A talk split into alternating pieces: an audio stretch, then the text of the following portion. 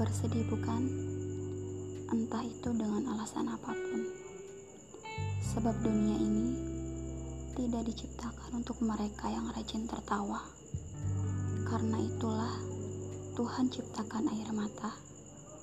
Air mata duka, pilu, kecewa dan sendu menjadi jawaban dari ketidakmampuan menghadapi takdir.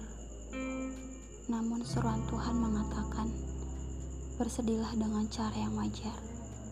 Manfaatkan kesedihanmu untuk kembalikan semangatmu. Tuhan lebih tahu kapasitas kekuatanmu. Bersedih bukan jalan untuk menyerah.